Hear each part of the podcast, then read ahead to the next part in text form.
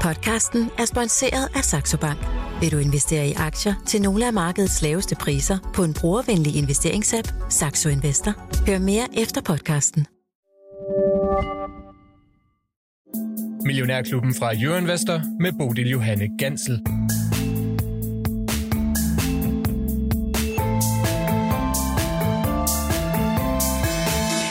Regnskabssæsonen synger på sidste vers. I dag der handler sangen om Skov og Company. I morgen der får vi nyt fra ALK og DFDS. Og torsdag der er det Bavarian Nordic, der indtager scenen. Men øh, hvad er den forløbige vurdering af præstationerne? Hvad er vi blevet klogere på? Og hvilke karakterer vil de kyniske og meget, meget strenge sensorer, a.k.a. aktieanalytikerne, give de danske selskaber? Ja, jeg har to af dem med i studiet i dag. Lars Persson, godmorgen og velkommen til dig. Tak, Bodil. Fast øh, deltager i vores panel og teknisk analytiker hos Aktierådet. Og Per Hansen, investeringsøkonom i Nordnet. Velkommen til dig også. Tak skal du have. Per, det er jo sådan set det er din opfindelse at give karakterer til de her regnskaber. Det gør du øh, hver gang, der har været en regnskabssæson. Øh, så, øh, ja, så sætter du altså tal på mellem 0 og 12. Det er den klassiske, traditionelle 12 skala du bruger. Du har gjort det gennem flere år, så overordnet går det den rigtige vej. Er der en udvikling, kan du se på de danske selskaber i forhold til karakterskalaen? Nej, man kan sige, det er som business as usual. Det er ligesom de flittige Øh, elever i klassen, de øh, forbereder sig godt, og de præsterer tårnhøjt, og det gør de også den her gang. Jeg har ikke helt fundet vej til øh, 12-taller denne gang, men jeg har et partier, øh, så har jeg denne her gang øh, desværre øh, for mange i det brede midterfelt, øh, som ser ud som om, at den trækker lidt ned af det. er sådan lidt ligesom en halvtung gruppetto, kan man sige, eller i hvert fald en halv, et halvtungt midterfelt. Øh, og så har jeg desværre god grund til igen at give tre meget ringe karakterer i bunden for meget ringe præstationer. Du er så hård, Per Hansen. Er der blevet længere mellem øh, bund og top her øh, på det seneste? Ja, det må man sige. Der er blevet længere mellem dem, som øh, kærer sig om investorerne og arbejder rigtig, rigtig stærkt hele tiden i forhold til at levere det, som investorerne med rimelighed og med rette kan forvente. Desværre ser det ud som om, at øh, forskellen mellem top og bund, den udvider sig. Ja, vi vender tilbage til karakterskalaen, og hvilke karakterer du har givet de enkelte selskaber lidt senere. Lars Persson, øh, vi skal også have styr på det marked, som der er derude. Hvordan ser det ud? Jamen, vi starter lige omkring øh, lille 0, lille plus øh, her i øh, Norden og øh, også i Europa. Øh, Asien lukket med øh, Hongkong op med 0,7 og Shanghai og og Nikkei med 0,3 oppe og 0,4, så vi, vi tøffer lidt videre på ja, en, en, en okay lukning i USA. Øh, IT kom ikke helt med op, men til gengæld havde de jo en uh, fantastisk fredag, nu går vi jo så og venter på det her vigtige inflationstal for USA, og det er vel egentlig derfor, alle holder vejret. Må ikke håbe, det holder det alt for længe, men uh, så falder vi døde om, men, men vi, vi er lidt spændte på, hvad, hvad, hvad der kommer ud derovre fra. Ikke? Og, det er altså forbrugerprisindekset, der yes. lander lidt senere på dagen, ja. og det er jo altså noget af det, vi stadigvæk holder meget øje med, hvordan inflation inflationen den, øh, den udvikler sig.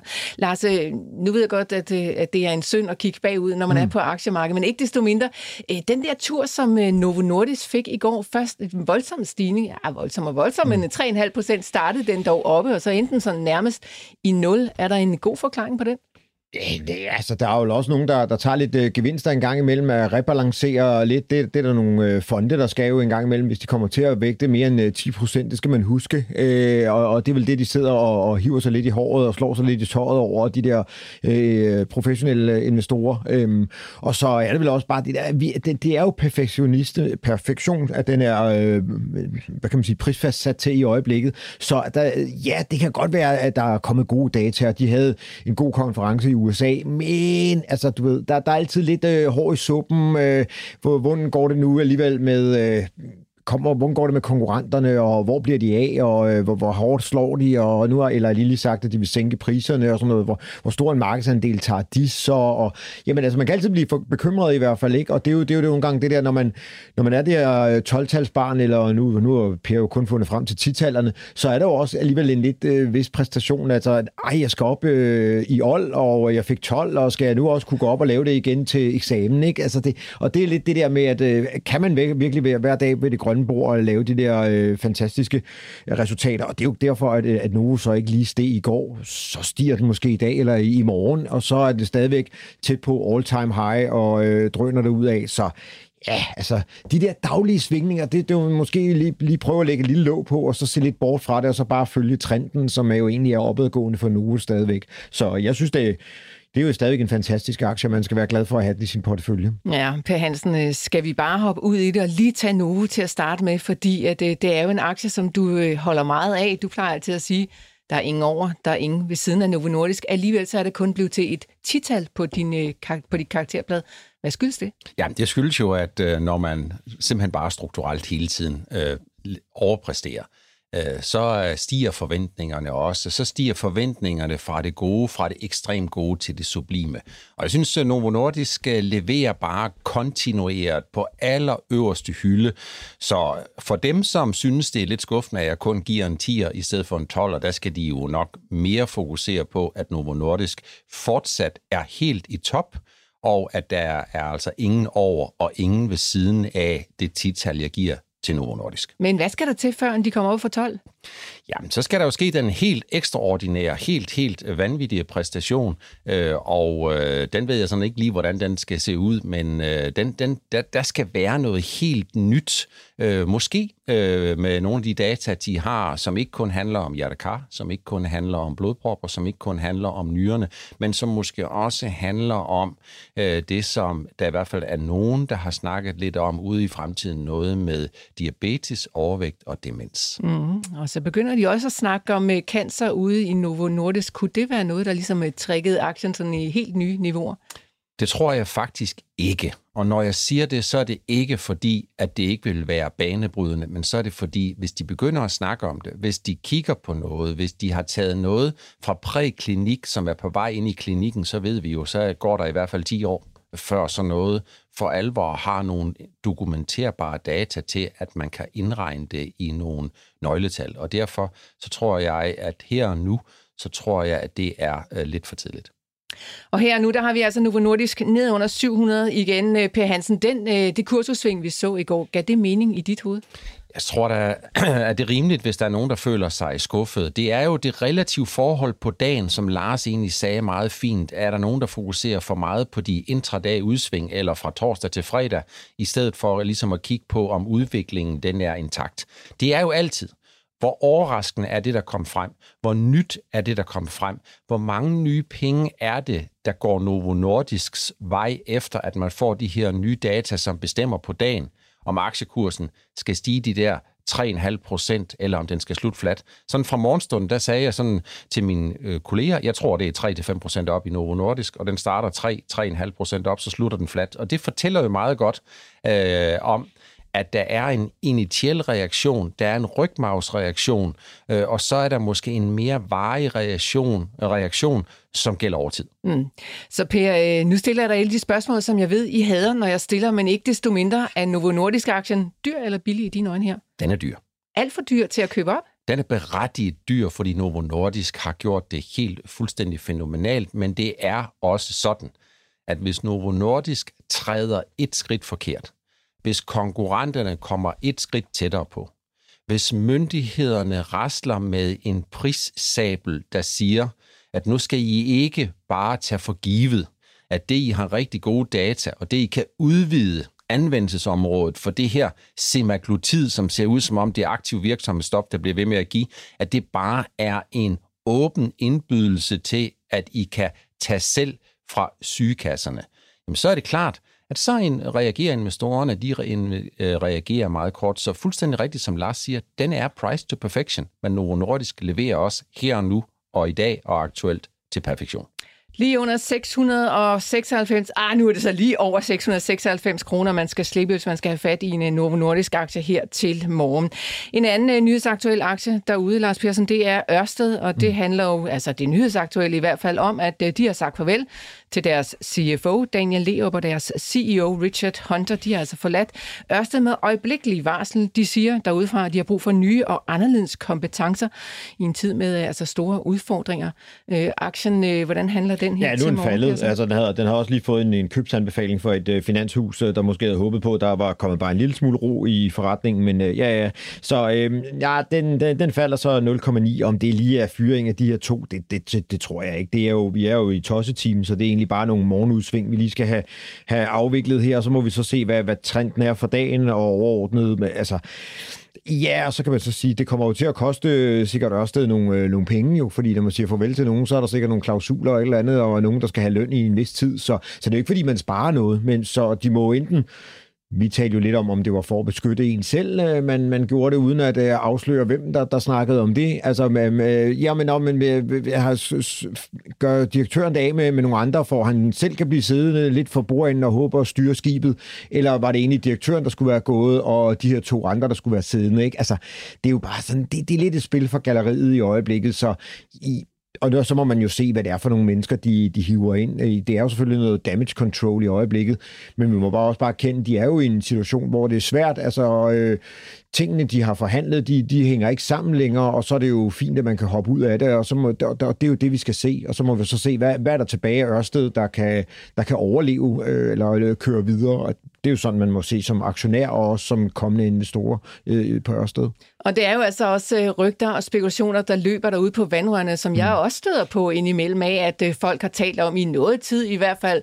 Selvfølgelig ikke, ja, det er jo helt normalt, når det går skidt med et selskab, i hvert fald aktiekursmæssigt, at man begynder at debattere om uh, topchefen. Han kan blive siddende med snipper. Øh, Per Hansen, øh, er Mads Nippers i fare for at, sådan at ryge ud, tror du? Eller øh, har han skabt sig noget tid nu med de her nye fyringer? Eller sidder han godt og grundigt på den stol?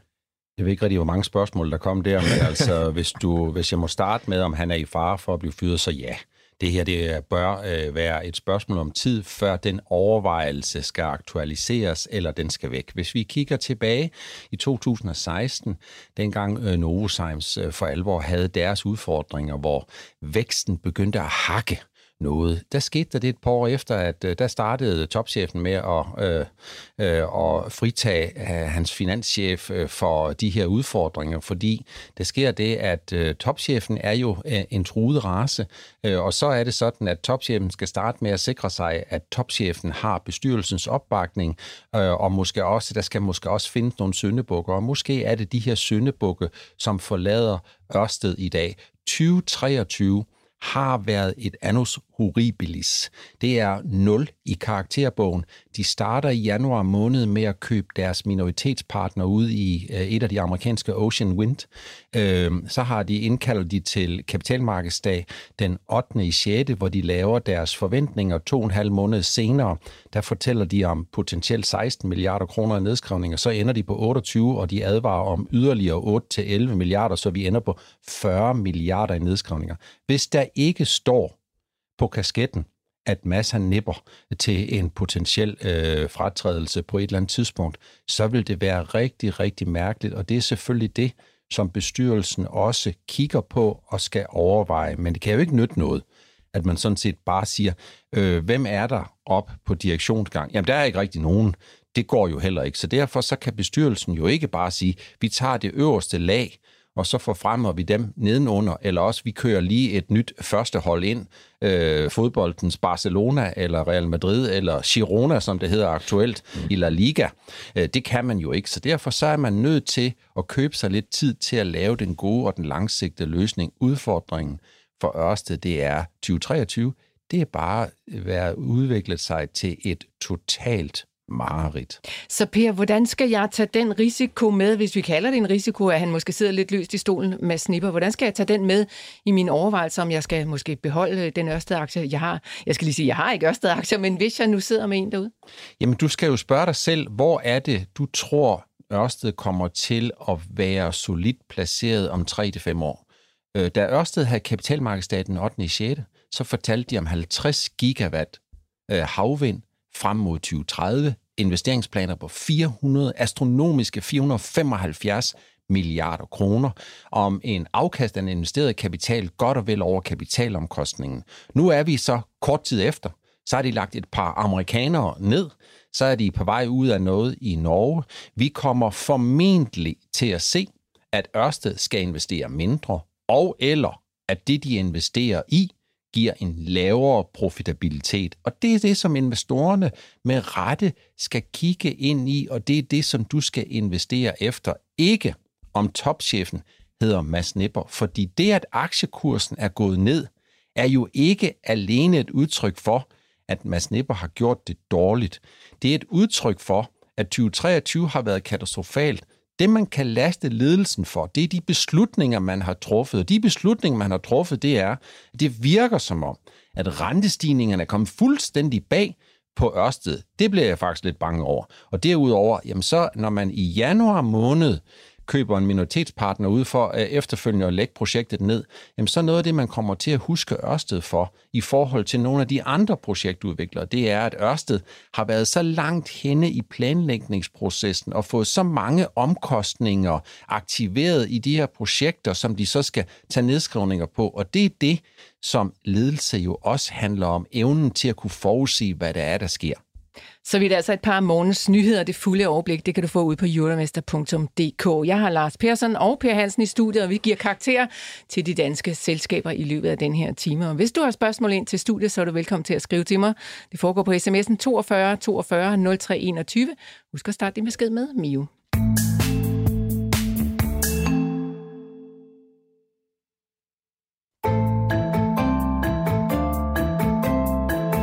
Og inden vi dykker længere ned i karakterbladet, Lars Persson, øh, så får du lige en opgave, der handler om at holde øje med, om der kommer regnskab fra skov, mens vi står her i øh, studiet. Det er ikke landet endnu, men Nå. Øh, ja, der har jo næsten lige været udmeldinger frem, så vi kender måske også det meste af det, der er derude. Nå, Per, der er blevet læst og analyseret, og måske er der også blevet sammenlignet, der er i hvert fald blevet voteret. Du har altså de karakterblad klar, som du altså plejer at komme med her i løbet af, af et uh, regnskabskvartal, når de er ude af alle resultaterne. Så giver du altså karakterer efter 12-talsskalaen, og nu har vi altså allerede afsløret to af dem. Novo ligger i top, og Ørsted ligger i bunden. Novo fik et tital, Ørsted måtte nøjes med en nuller.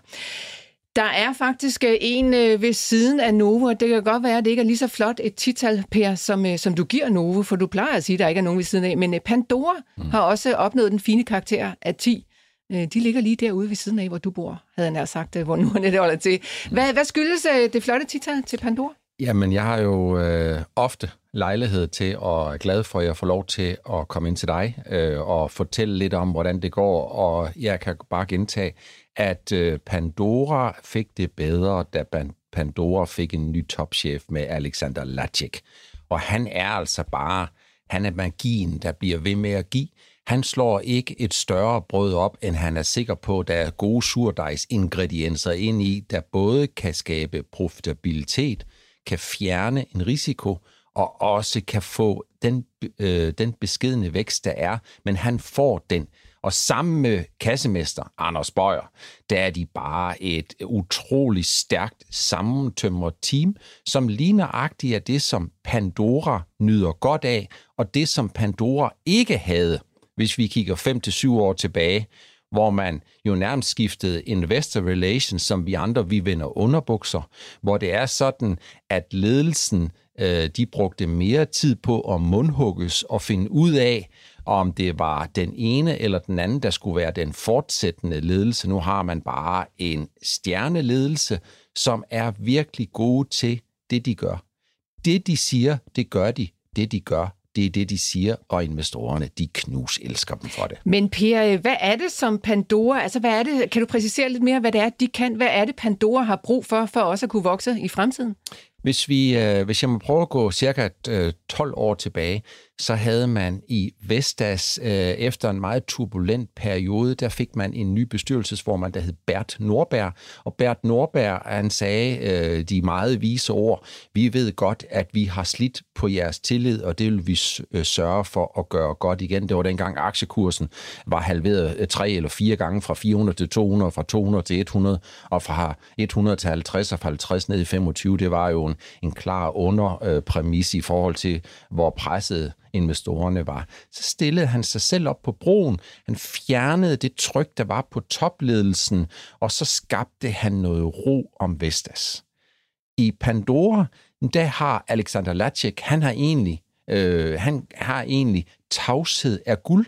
Han siger det, han vil, sammen med ledelsen, sammen med Pandora, og så skaber de de der øh, resultater. Så når de har kapitalmarkedsdag, så fortæller de stille og roligt, hvad de vil. Øh, og det leverer de så på. Og det kan investorerne jo godt lide. Investorerne kan jo godt lide, at de har en investering, som er sat på økonomisk, vækstmæssigt, profitabilitetsmæssigt, risikomæssigt autopilot, hvor intet nyt er godt nyt. Der er rigtig mange virksomheder, som kunne lære noget af at tage dramaet ud. Hvis du kigger en 5-7 år tilbage, så kan du sikkert også huske, Bodil, at vi næsten på ugenlig basis, eller på månedligt, eller i hvert fald på kvartalsvis basis, skulle have nogle kursudsving på 6, 8 eller 10 procent i Pandora, fordi der var nogen, der havde været ude og lave channel checks ude i detailhandlen for at se, om, der var, om Pandora havde charmeret kunderne, eller hvad de egentlig havde med de her charms. Det er fuldstændig væk. Alt det der støj, det er fuldstændig væk. Og det er det, som jeg siger på investorernes vegne, at det kan de rigtig godt lide. Ja, øh, regelmæssighed er vel en af de ting, som, øh, som er vigtige at have med sig, når man skal investere. Der øh, leverer Pandora, altså som jeg hører dig tale om det, Per. Men vi ser jo altså også ind i en tid, som måske bliver sådan økonomisk lidt vanskeligere. Nu er Danmark gået i teknisk recession, har vi fået nye BNP-tal her til morgen. Hvis det begynder at gøre mere og mere ondt på folks pengepunkt, kommer det så til at gå ud over sådan et selskab som Pandora? Det kan det jo godt. Det kan det jo sagtens gøre. Man kan sige, det, at man ripper sejlen en lille smule, det er privatforbrug, der er en lille smule under pres. Det, at inflationen, priserne stiger lidt, øh, samtidig med, at øh, forbrugeren de værer sig lidt og ligesom tænker højere renter og ejendomspriser og alle mulige andre ting. Det kan da godt få en betydning.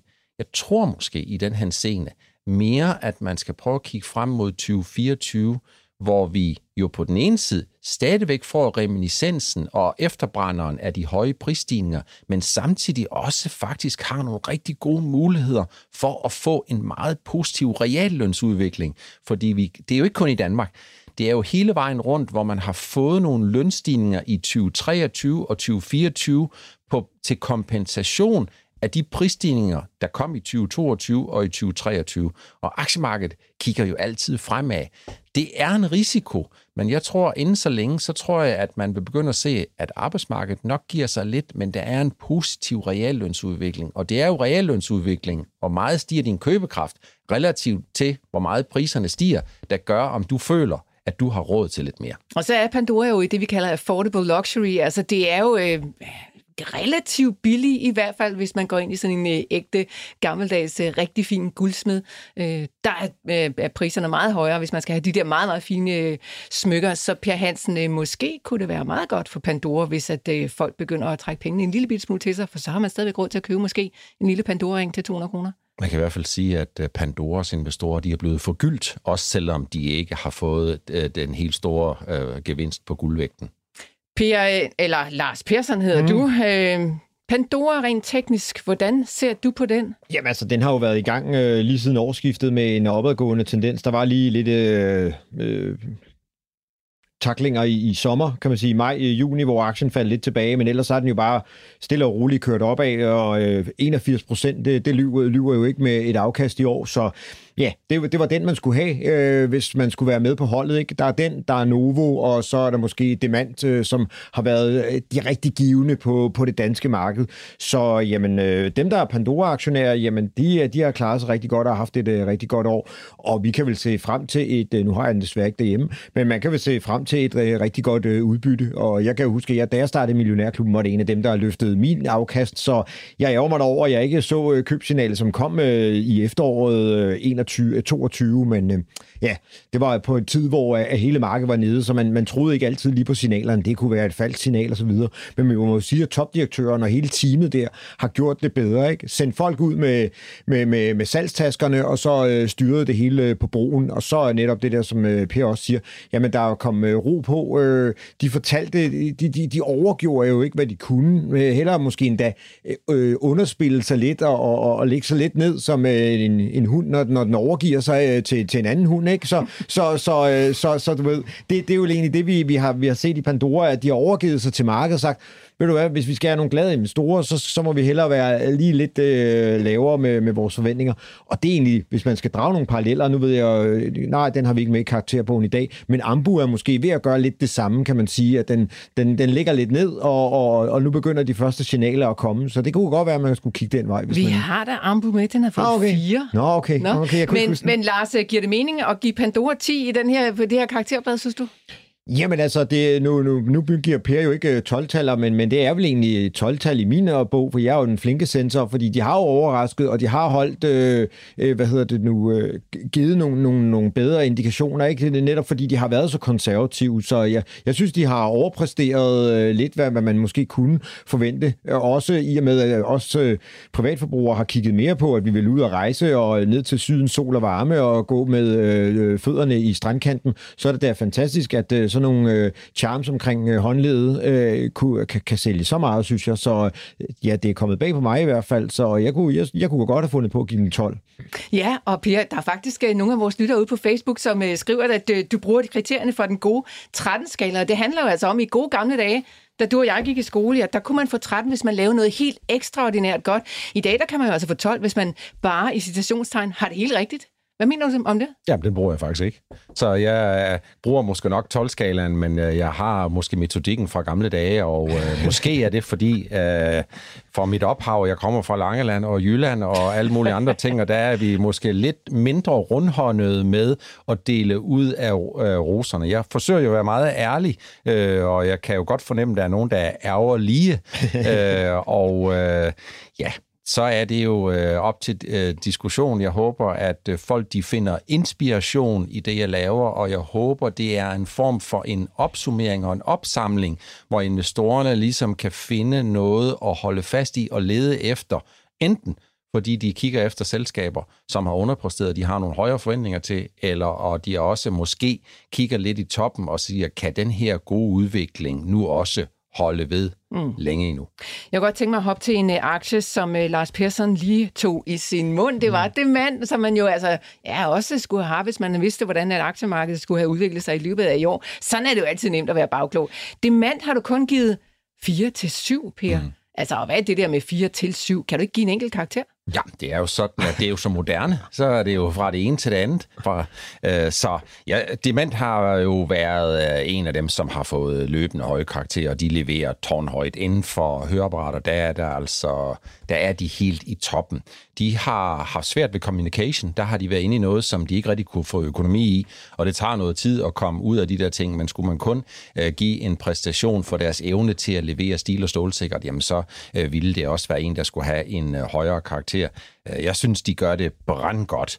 Øh, når det er sådan, at jeg sådan lige måske går et skridt ned den her gang, så er det fordi, at skulle de have haft en 10'er, eller skulle de have været helt op og ringe, så skulle de have leveret det ikke sandsynlige, den ikke sandsynlige tredje opjustering i år, øh, og den udeblev. Det forstår jeg sådan set godt, den udeblev. Jeg synes allerede, de har leveret rigtig godt. Så derfor, så kan det da godt være, at jeg har været lidt, lidt, lidt hård her, og så bare moderere tingene. Men man skal også ligesom se, at det, jeg forsøger at sige, det er, at der er nogen, der er i den øverste gruppe, så er der nogen, der aspirerer til at komme op i den øverste gruppe, så er der nogen, der ligger lige ned, lidt nede under, så er der det store, øh, brede flertal, øh, og så er der i den tunge ende, så jeg har egentlig delt dem op sådan i femte del den her gang. Ja, vi når selvfølgelig ikke omkring dem alle sammen, man kan gå ind på Nordnet og læse hele din karakterskala, og hvordan du har sat øh, ja, karaktererne på de danske selskaber. Øh, demand for altså 4 til 7. GN, de ligger lige lidt højere, Per. Mm. De får et rent syvtal. Hvorfor? Ja, det er jo fordi, at jeg har faktisk haft lidt ondt af investorerne i GN. GN er jo en økonomisk medvindsaktie.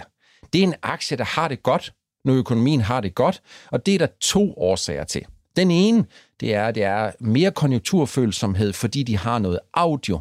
Den anden, det er altså også nødt til at sige, at GN over de sidste 15 år har haft lidt svært ved at finde det rigtige ledelsesmæssige fokus til at agere når det var sådan, man kom ud i stiv modvind. Når jeg kigger på her, jeg kigger på de ting, som GN har lavet. Øh, de dummede sig øh, timingsmæssigt med at købe Steel Series. De fik ikke penge med hjemmefra. Så fik de lige pludselig af bankerne at vide, at nu har de altså skulle de til at betale overtræksrenter på øh, den finansiering, som de ikke har fået på plads. Så øh, øh, var de ude og have nogle udfordringer med hensyn til, om de skulle udstede nye aktier for alt for meget, som investorerne heldigvis sagde nej til, fordi det ville udvande. Så fandt de nogle andre veje. De ripper sejlene, de laver flere synergier, de slår tingene sammen. De henter 500 millioner i Portugal fra et frasalg.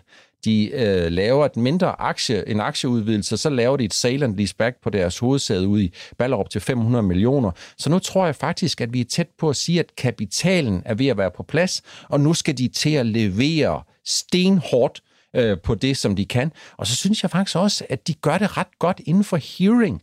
Så jeg har ondt af de GN Store Nordaktionærer, som har måttet lægge porteføljer til et kurstryk på 75 procent eller mere fra toppen. Og så synes jeg også, at så vil jeg gerne give heads op på, at det virker som om, at man nu har sammensat en ny og bedre ledelse, at man har rippet sejlene, og at man kan se frem til i 2026, når de 300 millioner kroner, man bruger til yderligere at skabe synergier fremadrettet i 2023, skal få fuld effekt i 2026 med 300 millioner ekstra, altså i alt 600 millioner. Så i 2026, der skal GN Store Nord levere virkelig, virkelig fremragende på allerøverste hylde.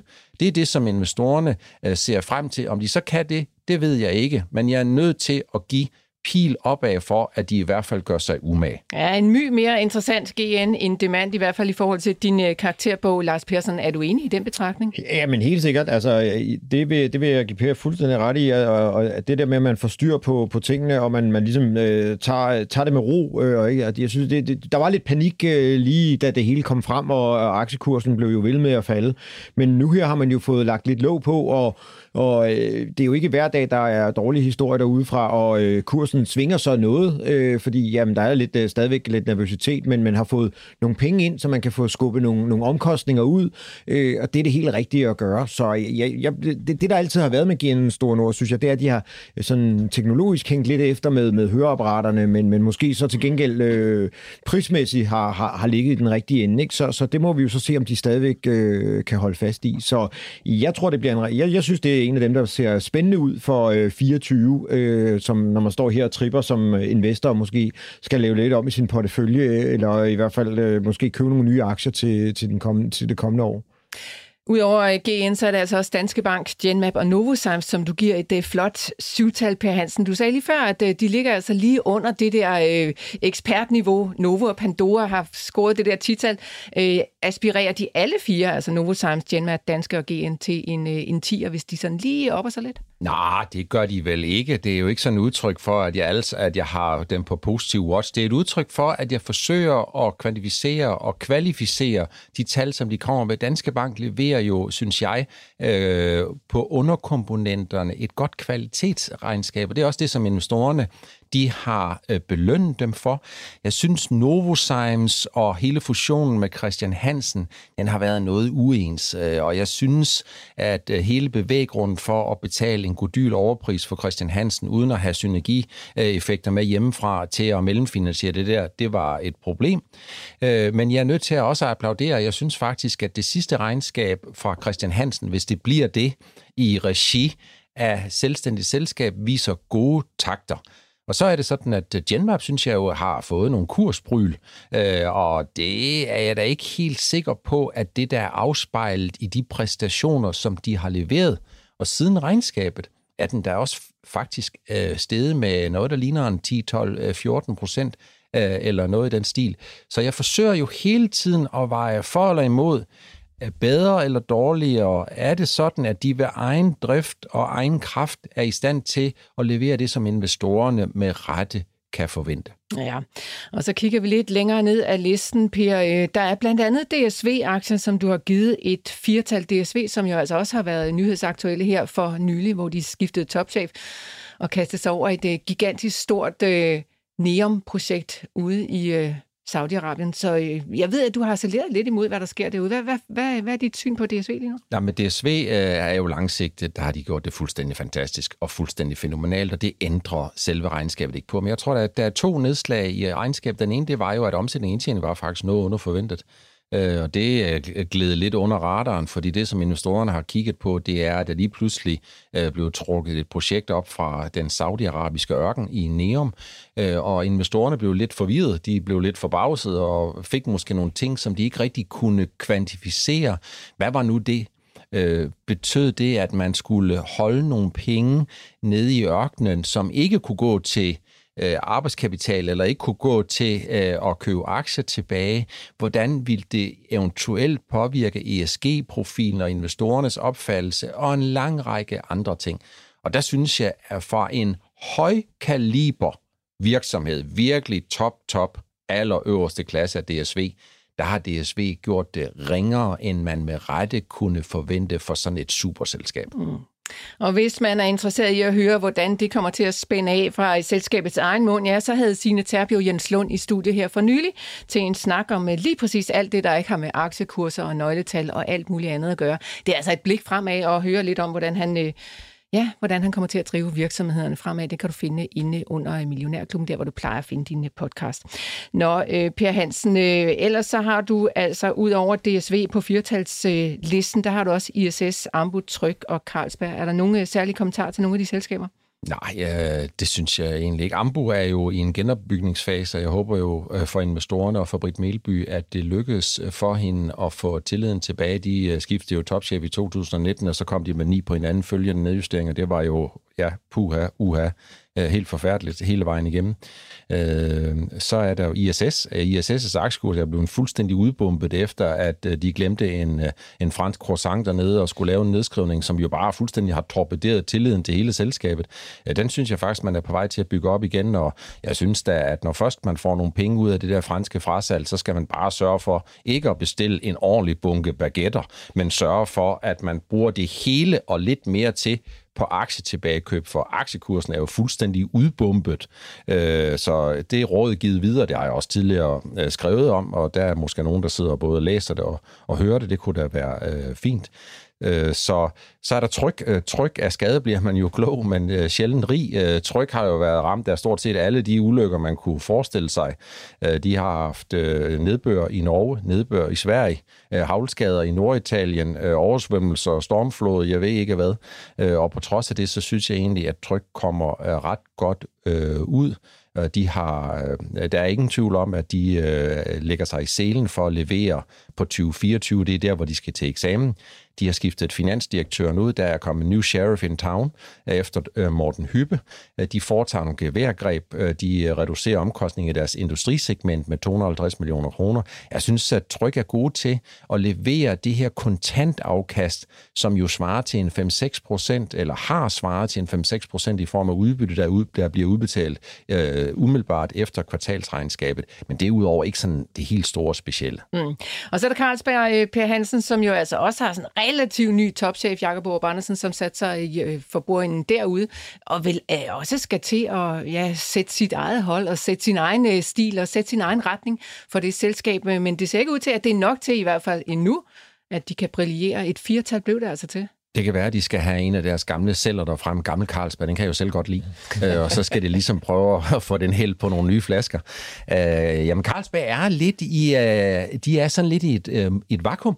Øh, de øh, blev jo lige pludselig øh, gisler i den her russiske situation, hvor de gik fra at have en værdi på 20 milliarder, der blev nedskrevet til 5 milliarder, der lige pludselig blev konfiskeret. Øh, og så står man så lidt der. Og investorerne føler sig lidt forslået, og måske også forsmået, fordi de tænker på, what's next? Hvad er det, der skal drive væksten i Carlsberg, og kommer der næste gang? Bliver det der på agendaen, hvordan situationen i Kina den udvikler sig? Bliver det sådan et geopolitisk topicpunkt, som kunne være en udfordring. Så Jakob Andersen, han øh, er jo gået ind øh, i Carlsberg og skal ligesom forsøge at revitalisere øh, selskabet. Og så er det jo helt naturligt, at hans første kvartalsregnskab som topchef, jamen der kommer der jo ikke til at være nogle revolutionerende programerklæringer for øh, en øh, ølproducent eller en læskedrik-distributør, øh, som har eksisteret i århundreder, så er det vel helt naturligt. Et firtal kunne det ikke engang blive til de næste selskaber, vi skal tale om, øh, for der har du givet to til fire. Per, og det glæder mig meget til at høre, fordi at det, det selskaber, vi taler faktisk ret meget om her i Millionærklubben. Det er nemlig AP Møller Mærsk, der har fået kun to til fire. Hvorfor i alverden har de fået det? Jamen som udgangspunkt kunne man godt have diskuteret, om ikke de skulle have haft en endnu lavere karakter. Øh, simpelthen fordi, at øh, det, de egentlig kom med fremadrettet, det var rigtig skuffende.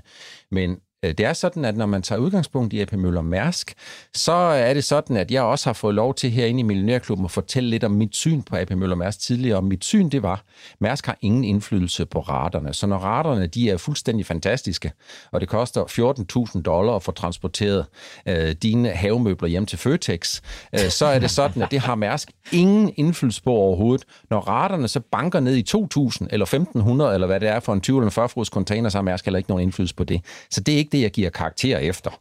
Så det, jeg giver karakter efter, det er, hvor gode Mærs de er til at tilpasse sig. Om de er gode til at holde igen med aktietilbagekøbet i en periode, hvor når indtjeningen boomer, så boomer aktiekursen også. Og det der boomer, det skal man jo være lidt varsom med øh, nu til dags. Øh, og om de tilkøb, de ting, som de laver inden for logistik, om de tilfører værdi eller ej.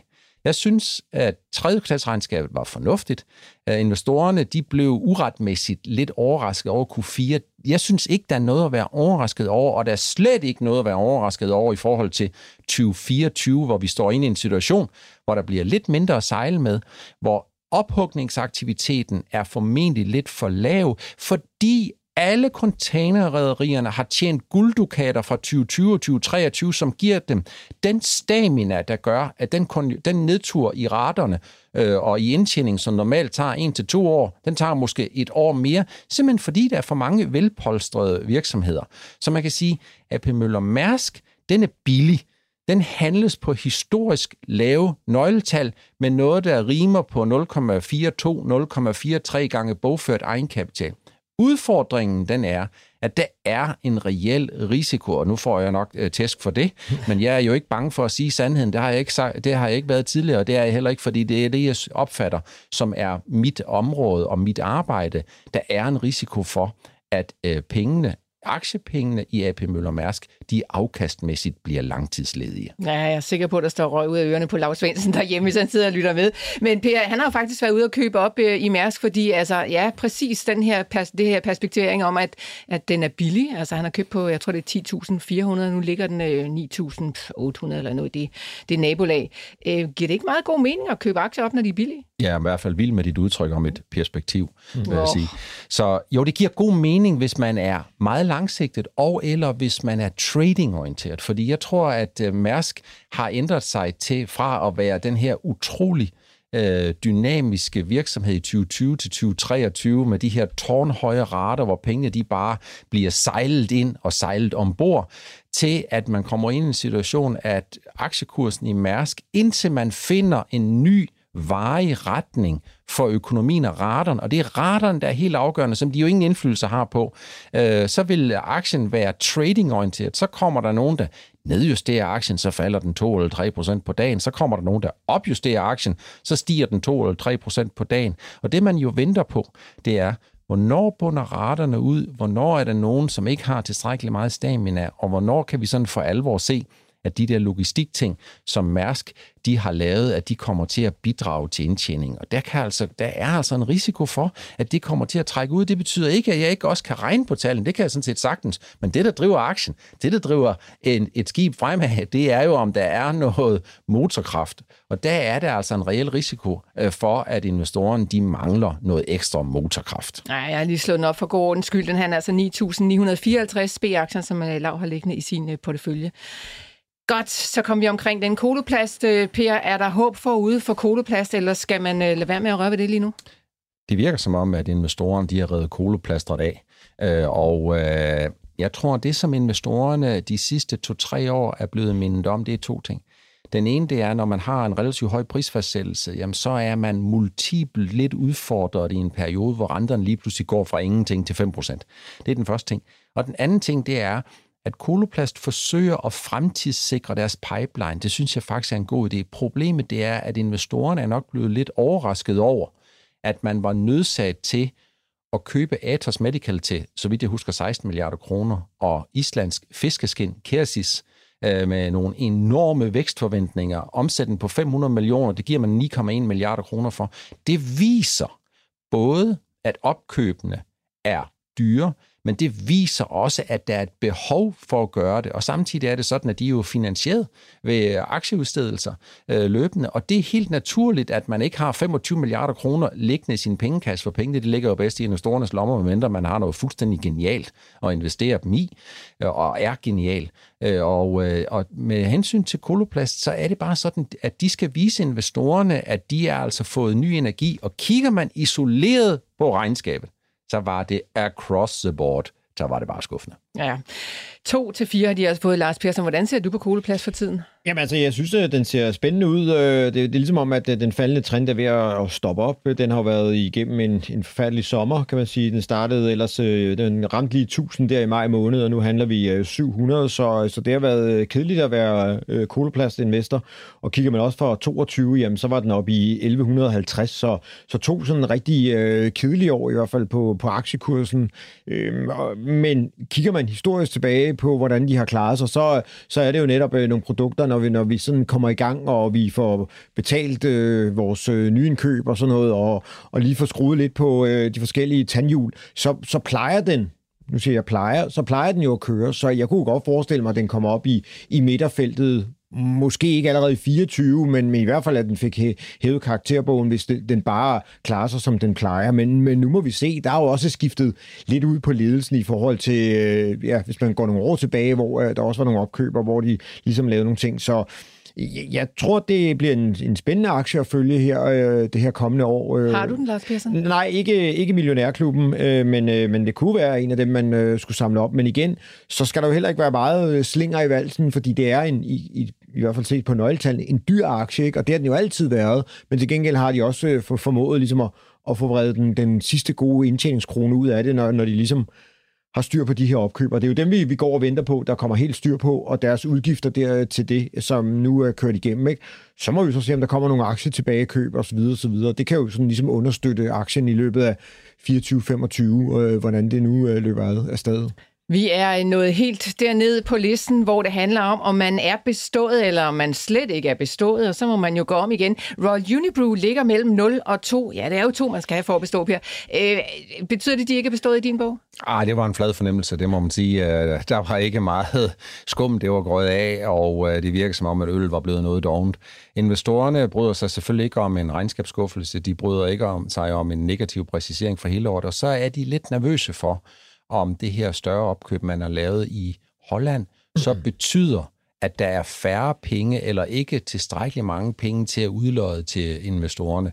Så jeg synes, det er øh, en lidt skuffende præstation, øh, som Royal Unibrew de leverer, og minus 12,49 øh, procent, tror jeg det var, øh, den kontante øh, taxering fra investorerne på dagen, den vidner vel noget om, at øh, man har ikke leveret det, som man har sat næsten op efter.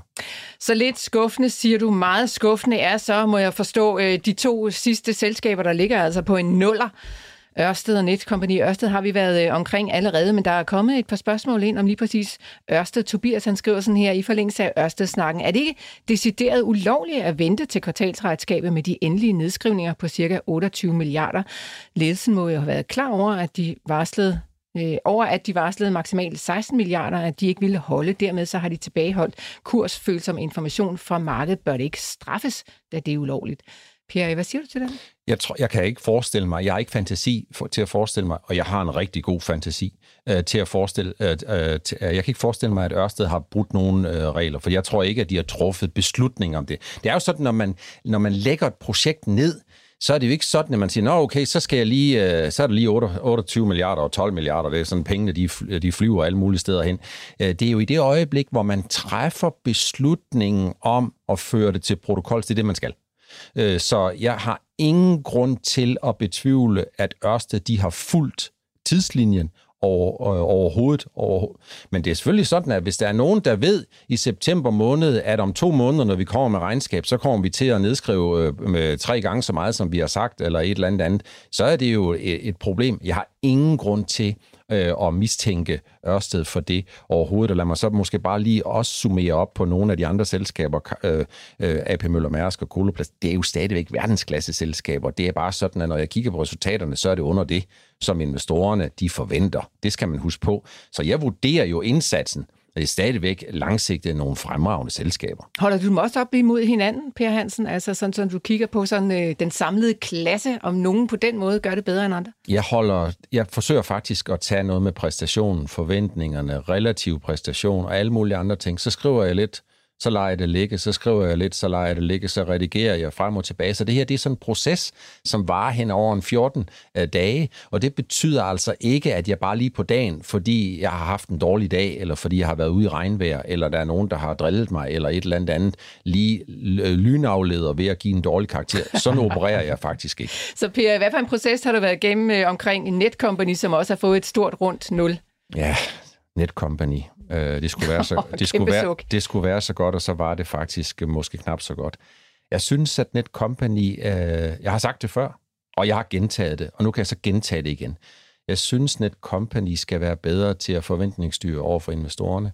Jeg synes øh, faktisk, de har potentiale til meget mere. Så 0 det er et udtryk for, jeg synes, de kan gøre det meget bedre, fordi de har potentiale til meget mere.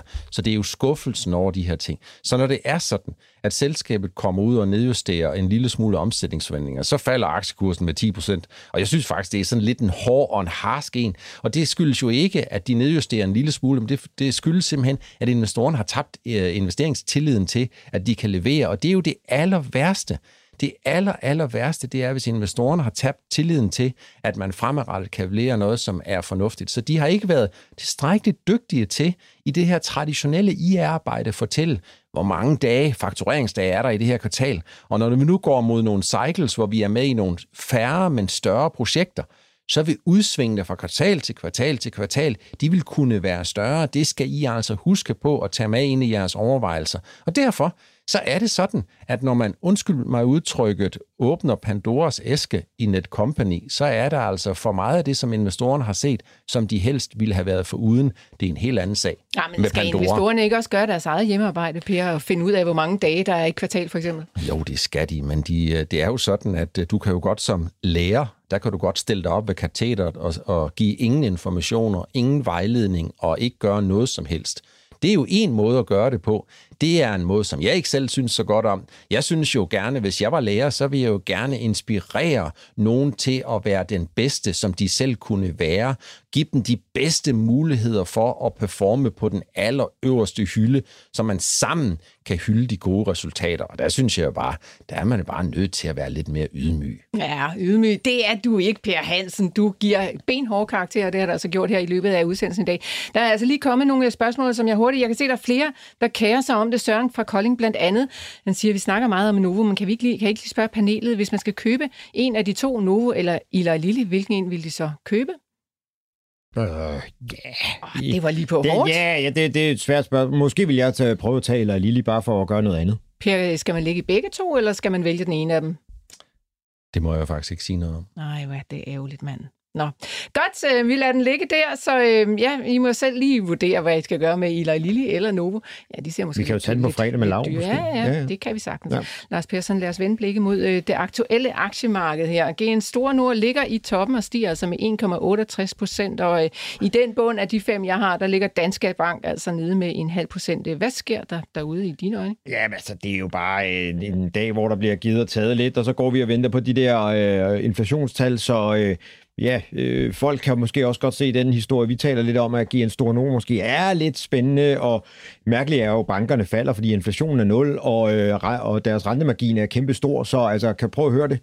Det vælter jo ind med penge over i Danske Bank, som ligger herovre her Holmens Kanal, og sådan er det jo for alle banker. Altså, de, de tjener jo boksen i øjeblikket, ikke? Og hvad vi måske er bange for, det er, at på et eller andet tidspunkt, så skal de måske bruge øh, nogle af de der øh, penge, de har gemt, hvis det nu skulle gå dårligt for herr Persson, eller herr Jensen, eller herr Jønsson, eller hvem det nu skal gå dårligt for. Men det ser jo ikke lige sådan ud på kort bane, ikke? Og hvis vi så også får nogle reelle øh, lønstigninger, og nu går det Guillermo også at taler om skattelettelser herhjemme, ikke? så kan det jo godt være, at vi alligevel kan køre bolden hele vejen hjem, også i 24. Så det kan godt være, at vi er lidt for nervøse for bankerne, fordi at renten jo egentlig er begyndt at tække en lille smule ned, men stadigvæk så, øh, så, så skovler de jo penge ind på deres marginer. Jeg har fornøjelsen af at Carsten Eris i studiet til en snak med ham om, øh, hvad der skal ske med Danske Bank fremover. Det bliver altså en af de udsendelser, der kommer lidt senere på året. Vi når at sende dem alle sammen ud her i løbet af 2023.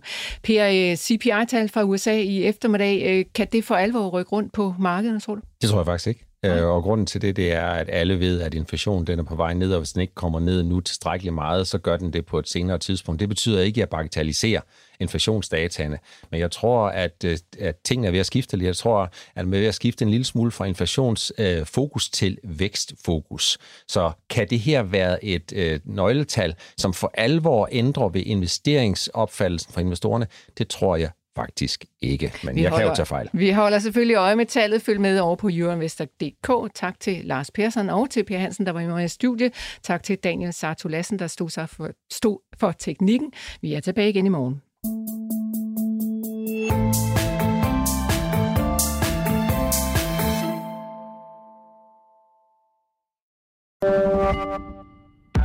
Podcasten er sponsoreret af Saxo Bank. Vi starter året med lave priser på globale aktier. Nu kan du blandt andet investere i amerikanske aktier til kun 1 dollar i minimumskortage. Kom i gang allerede i dag på saxobank.dk og opret en gratis investeringskonto.